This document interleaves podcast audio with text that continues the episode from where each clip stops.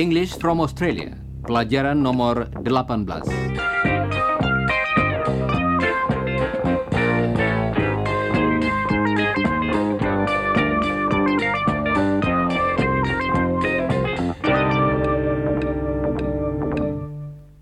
Halo saudara pendengar, hari ini beberapa teman kita ikut bersama kami untuk membantu saudara belajar bahasa Inggris. Chris ada di sini, demikian juga Mr. Smart dan Helen. Dan tentu saja Iwan hadir pula. Mereka sudah saudara kenal betul, bukan? Saudara mengetahui bahwa Chris tinggi orangnya. Yes, I'm tall. Dan saudara tahu bahwa Mr. Smart sudah menikah. Yes, I'm married. Dan saudara juga tahu bahwa Helen belum menikah. Yes, I'm single. Oh, dan Iwan pendek orangnya.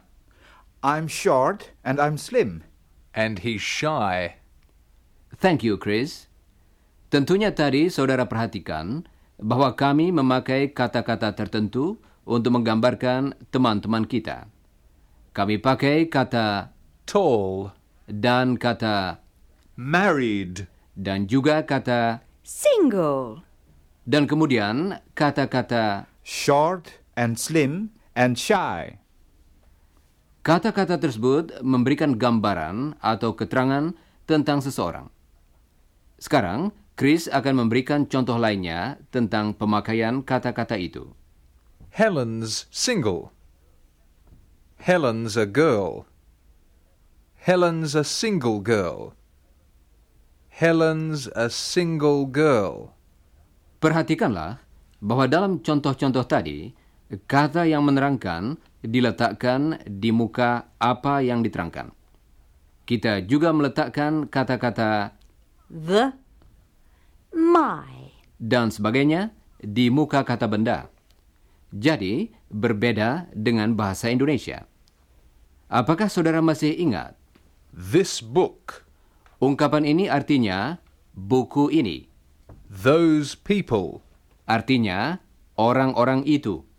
My car. Artinya mobil saya. Dan dalam bahasa Inggris, kita letakkan kata keadaan di muka kata bendanya. Jadi, tidak sama dengan bahasa Indonesia. Coba sekali lagi. Chris, Helen's a single girl. contoh itu berarti Helen seorang wanita yang belum menikah. Sekarang, mari kita berlatih memakai kata keadaan di muka kata benda. Mr. Smart akan membantu kita dalam latihan ini. Chris is tall. He's a tall student. Chris is a tall student. Coba dengarkan kalimat yang terakhir. Kemudian ucapkan sesudah Mr. Smart. Chris is a tall student. Helen's a single girl. Ewan's a shy person. Good. Thanks, Mrs. Smart. Tadi saudara tidak lupa mengucapkan e, bukan? Coba dengarkan lagi apa yang dikatakan Mr. Smart. Chris is a tall student. Apakah saudara dapat menangkap bunyi itu? Coba dengarkan. A. A. A tall student. Saudara pendengar, Chris akan memberikan keterangan lebih lanjut tentang teman-teman yang kita jumpai dalam kursus ini. Coba dengarkan dan ucapkanlah setiap kalimat sesudah Chris. Helen's a pretty girl. Jane's a happy woman. Mrs. Smart's a busy wife. Mr. Smart's a noisy man. Thank you, Chris. Saudara pendengar, kita telah berlatih menggambarkan seseorang. Dan tentu saja, kita dapat menggambarkan barang atau benda dengan cara yang sama. Masih ingatkah ketika Iwan dan Chris menggambarkan kamarnya dalam salah satu pelajaran yang lalu? Iwan mengatakan It's comfortable. kalau dia ingin memakai kata Room? dia dapat mengatakan It's a comfortable room. kalimat itu berarti kamar itu menyenangkan. Coba dengarkan. It's a comfortable room. Sekarang, Chris akan bertanya kepada Iwan tentang kamarnya. Dan dalam jawabannya, Iwan akan memakai beberapa kata keadaan yang sudah saudara ketahui. Coba dengarkan. Is your room big, Iwan? No, it isn't. It's a small room, but it's a nice room. What about a radio? Yes, there's a radio. It's a new radio. What about a bed? Yes, there's a bed. It's a comfortable bed. What about a desk? Yes, there's a big desk. And what about a light? Yes, there's a good light on the desk. Saudara pendengar, Chris akan mengajukan beberapa pertanyaan lagi tentang kamar Iwan. Dan sekarang giliran saudara untuk menjawab. Pertama-tama, dengarkan dulu contoh yang berikut. What about your room, Iwan? Is it small? Yes, it's a small room. Nah, mari kita mulai latihan ini. Jawablah pertanyaan Chris yang ditujukan kepada Iwan.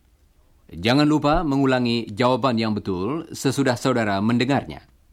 And your radio, is it new? Yes, it's a new radio. And what about your bed? Is it comfortable?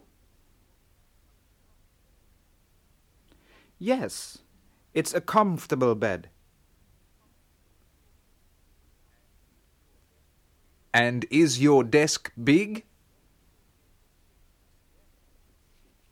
Yes, it's a big desk. Thank you, Chris. Thank you, Iwan.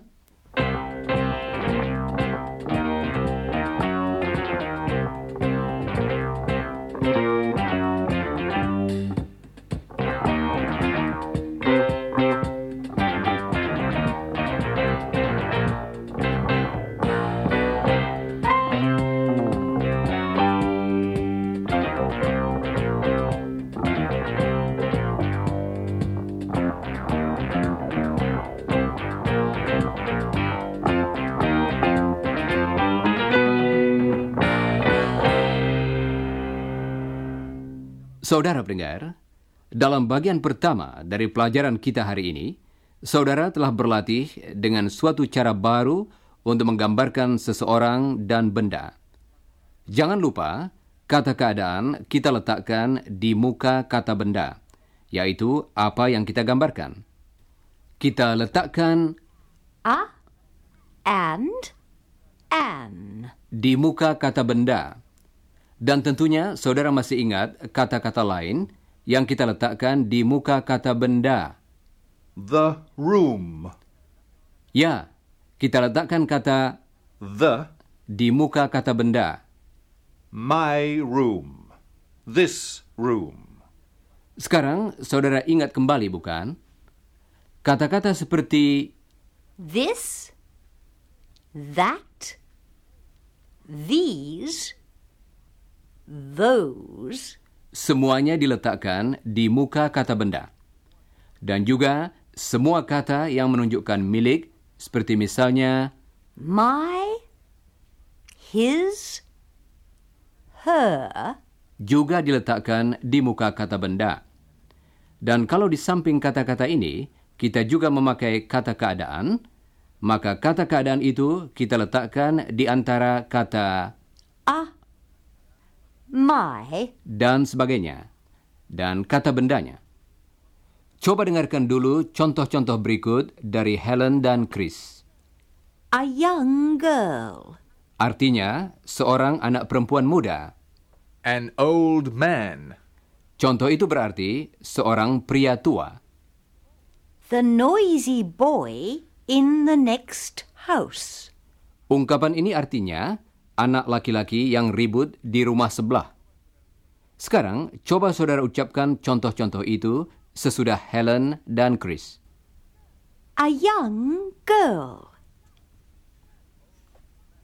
An old man. The noisy boy in the next house.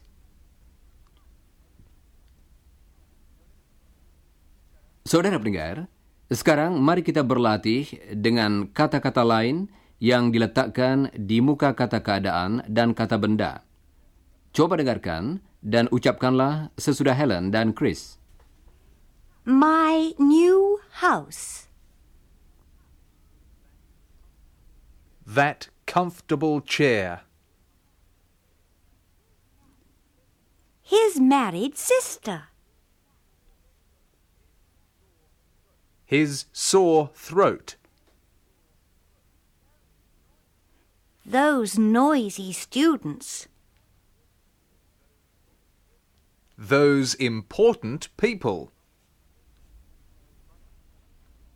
Baiklah. Dan sekarang mari kita lakukan latihan yang lain. Saudara akan mendengar Mr. Smart mengatakan, Those children are happy. dan saudara hendaknya mengatakan, Look at those happy children. coba dengarkan lagi. Look at those happy children. Siap, saudara-saudara? Dengarkan baik-baik kata yang pertama. Those vegetables are expensive. Apakah tadi saudara mengatakan, Look at those expensive vegetables. Sekarang coba saudara teruskan latihan ini. That woman is old. His car is new. That girl is pretty. Their house is big. Those students are noisy. Thank you, Mr. Smart.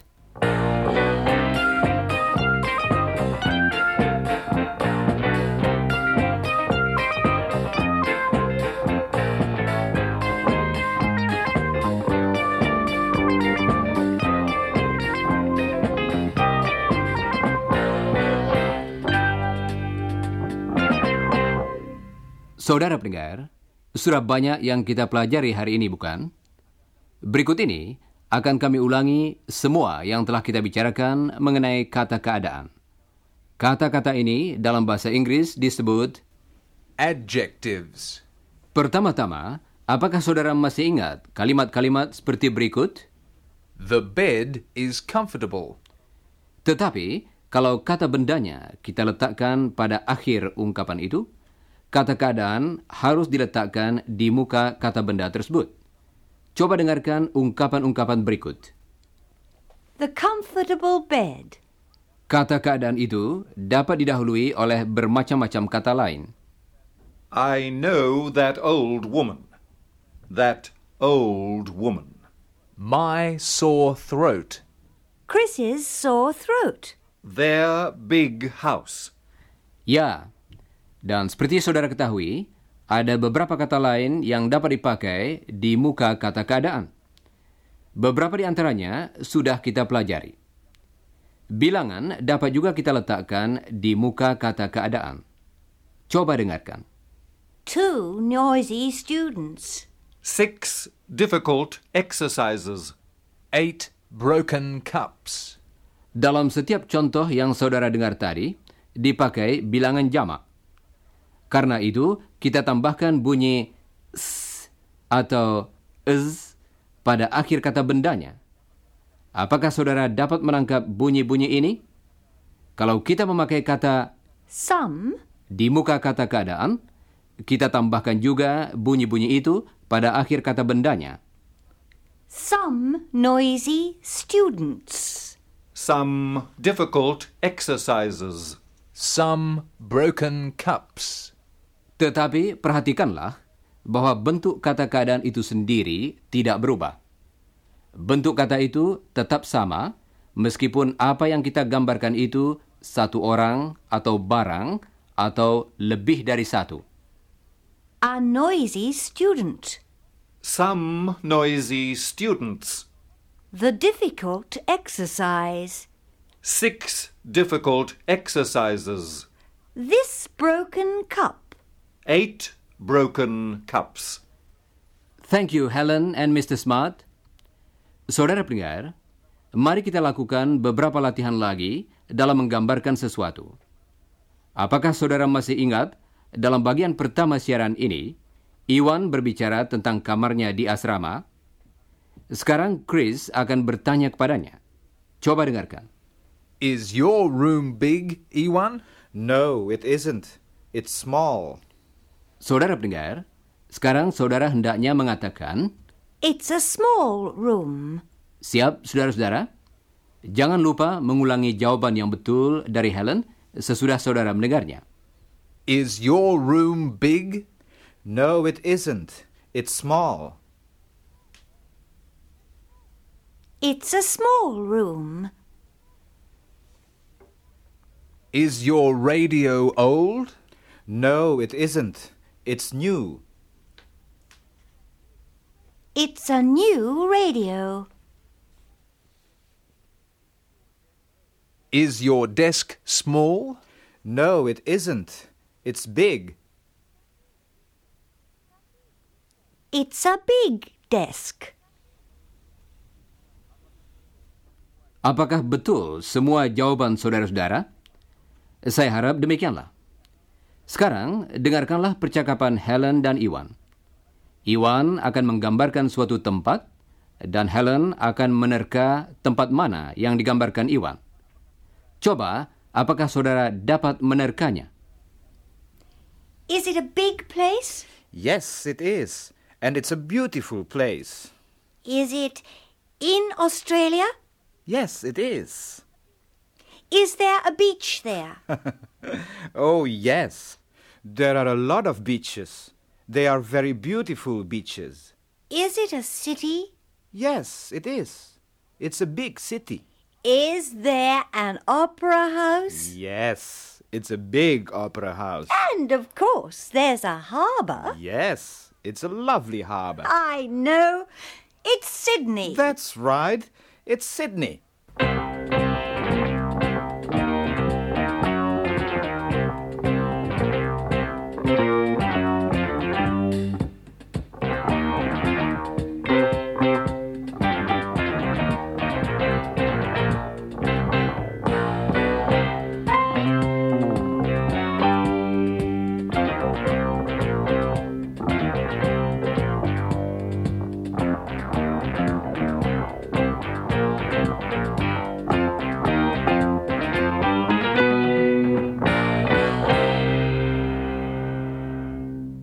Saudara pendengar, dalam menggambarkan sesuatu, kita kadang-kadang juga menyebutkan warnanya. Saudara sudah tahu nama satu warna, hitam. Dalam bahasa Inggris, Black. saya kira ada baiknya kalau saudara mengetahui nama warna-warna yang lain. Chris akan menyebutkannya dalam bahasa Inggris. Coba dengarkan. White. Artinya putih dan Red. artinya merah dan Blue. yaitu biru dan Green. artinya hijau dan Brown. And yellow. And orange. yang dalam bahasa Indonesia berarti coklat, kuning, dan jingga. Sekarang coba ucapkan warna-warna ini sesudah Chris. White. Red. Blue. Green. Brown. Yellow. Orange. Baiklah. Sekarang, warna-warna ini dapat kita pakai untuk menggambarkan sesuatu. Dan pertanyaan yang kita ajukan kalau kita ingin mengetahui warna sesuatu ialah What colour is it? pertanyaan itu berarti apa warnanya? Coba ajukan pertanyaan itu. Ucapkan, What colour is it? bagus. Sekarang, coba ajukan pertanyaan itu kepada Chris, dan dia akan menjawab. Ajukan pertanyaan, What colour is it? It's green. coba ajukan pertanyaan itu lagi.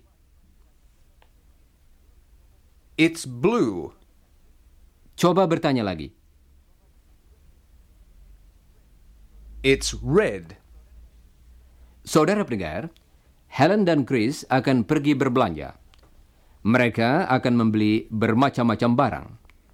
Mereka ingin membeli apel dan kubis dari toko sayuran. Apa lagi yang akan mereka beli? Coba dengarkan. I want a pen and a pencil. I want a new dress and a new purse. And I want a new comb. Mari kita ikut mereka pergi ke berbagai toko untuk membeli bermacam-macam barang tadi. Coba dengarkan pertanyaan Chris kepada Helen. Do you want the red apples or the green apples? Dan coba dengarkan jawaban Helen. I want the green apples. Sekarang, coba saudara berperanan sebagai Helen. Dan jawablah pertanyaan Chris. Dan ulangi jawaban Helen sesudah saudara mendengarnya. Do you want the red apples or the green apples? I want the green apples.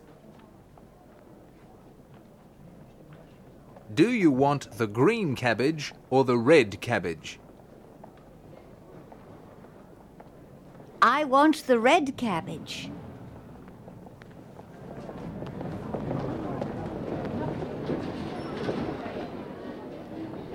Do you want the yellow dress or the blue dress? I want the blue dress. Do you want the yellow purse or the black purse? I want the black purse. Sekarang, Helen akan bertanya. Coba saudara berperanan sebagai Chris dan jawablah pertanyaannya. Jangan lupa mengulangi jawaban Chris sesudah saudara mendengarnya. Siap, saudara-saudara? Do you want the white pen or the orange pen? I want the orange pen. Do you want the white comb or the yellow comb? I want the yellow comb. Do you want the red pencil or the black pencil? I want the black pencil.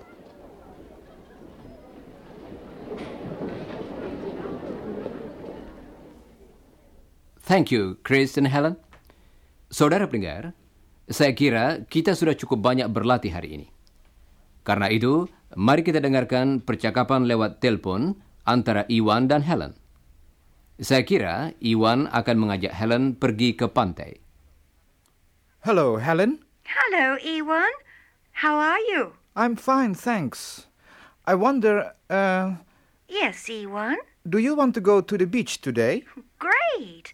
I like the beach. And it's a lovely day. What time? About 10 o'clock? Yes. What about lunch? Some sandwiches? Yes, okay, thanks, Helen. Do you like chicken sandwiches? They're nice, I think. Righto. See you about 10 o'clock then. Yes. See you. Nah, saudara pendengar, Iwan akhirnya berhasil memberanikan diri untuk mengajak Helen pergi ke pantai. Mari kita ikut dengan mereka dan coba dengarkan apa yang mereka bicarakan. Tetapi sebelumnya, mari kita dengarkan musik yang romantis.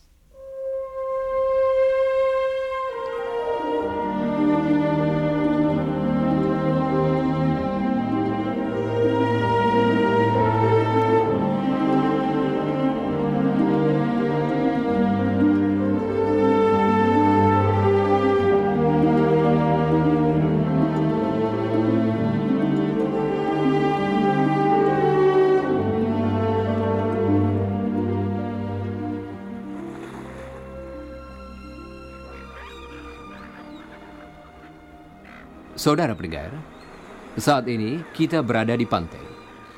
Iwan dan Helen baru saja keluar dari air dan sekarang mereka sedang duduk-duduk di pasir di bawah sinar matahari. Cuaca baik sekali dan di pantai ada beribu-ribu orang. Kebanyakan dari mereka membawa bekal makan siang yang akan dinikmati sambil duduk-duduk di pasir. Iwan dan Helen demikian juga. This is a beautiful beach, Helen. Bondi? Yes, it is a beautiful beach. It's a very famous beach. Some people in Indonesia know about Bondi Beach. Do they? Yes, they do. Have you got beautiful beaches in Indonesia too, Iwan? Of course. Indonesia is like Australia in some ways, you know. But of course, it's different in a lot of ways. Tell me about it. There are some very high mountains. Our mountains aren't very high. Indonesia is a beautiful country. The scenery is terrific. And the people are nice. Australians are nice people too. Many people here are nice. Like, Like? well, like you. Oh, thank you, Iwan. Thanks for telling me I'm nice.